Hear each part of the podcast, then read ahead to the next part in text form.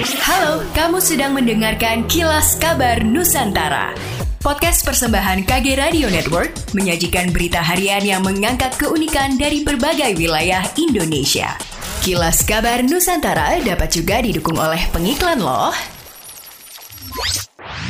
Sobat Medio, podcast Beginu yang dibawakan oleh Wisnu Nugroho, pemimpin redaksi Kompas.com siap bekali kamu dengan obrolan penuh wisdom mulai dari Dahlan Iskan, Najwa Shihab, Jason Ranti, dan sosok inspiratif lainnya.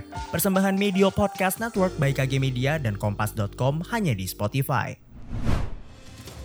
Kapolresta Malang Kota Kombes Pol Budi Hermanto memimpin sujud massal bersama jajarannya. Hal ini untuk mendoakan sekaligus memohon ampunan untuk seluruh korban tragedi Kanjuruhan dan warga Malang usai apel pagi di halaman Mapol Resta Malang Kota pada hari Senin 10 Oktober 2022. Kombes Pol Budi Hermanto didampingi oleh jajaran pejabat utama atau PJU dan juga Kapolsekta jajaran Polresta Malang Kota melaksanakan doa bersama terlebih dahulu. Usai berdoa, dipimpin langsung olehnya seluruh peserta apel bersimpuh dan juga bersujud. Kapolresta Malang Kota Kombes Pol Budi Hermanto melalui Kasih Humas Ibda Eko Novianto mengatakan ini juga merupakan simbol solidaritas Polri dengan Aremania sebagai jajaran Arema Polis secara kekeluargaan dan kekerabatan memiliki cerita dan sejarah panjang. Wali Kota Medan Bobi Nasution berkantor di Kecamatan Medan Utara setelah saat puncak pandemi sempat berkantor di Medan Helvetia. Menurut Bobi, masalah di Medan Utara adalah banjir dan sarana prasarana sekolah.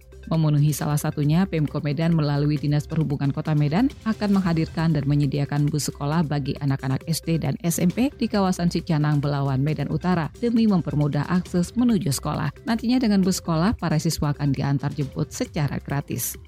Menjelang perhelatan Pesta Demokrasi Pemilihan Umum tahun 2024 mendatang, Komisi Pemilihan Umum KPU Sulawesi Utara telah melakukan sejumlah tahapan termasuk di antaranya sosialisasi terkait pelaksanaan pemilu 2024. Salman Sailangi, Komisioner KPU Sulut menuturkan dalam pelaksanaan pemilu nanti akan terdapat beberapa perbedaan dibandingkan dengan pemilu 2019.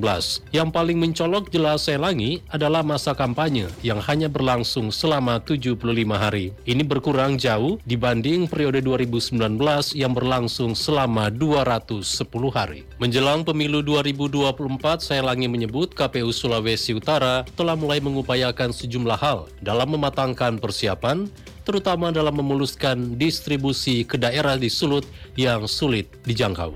Demikianlah kilas kabar Nusantara pagi ini.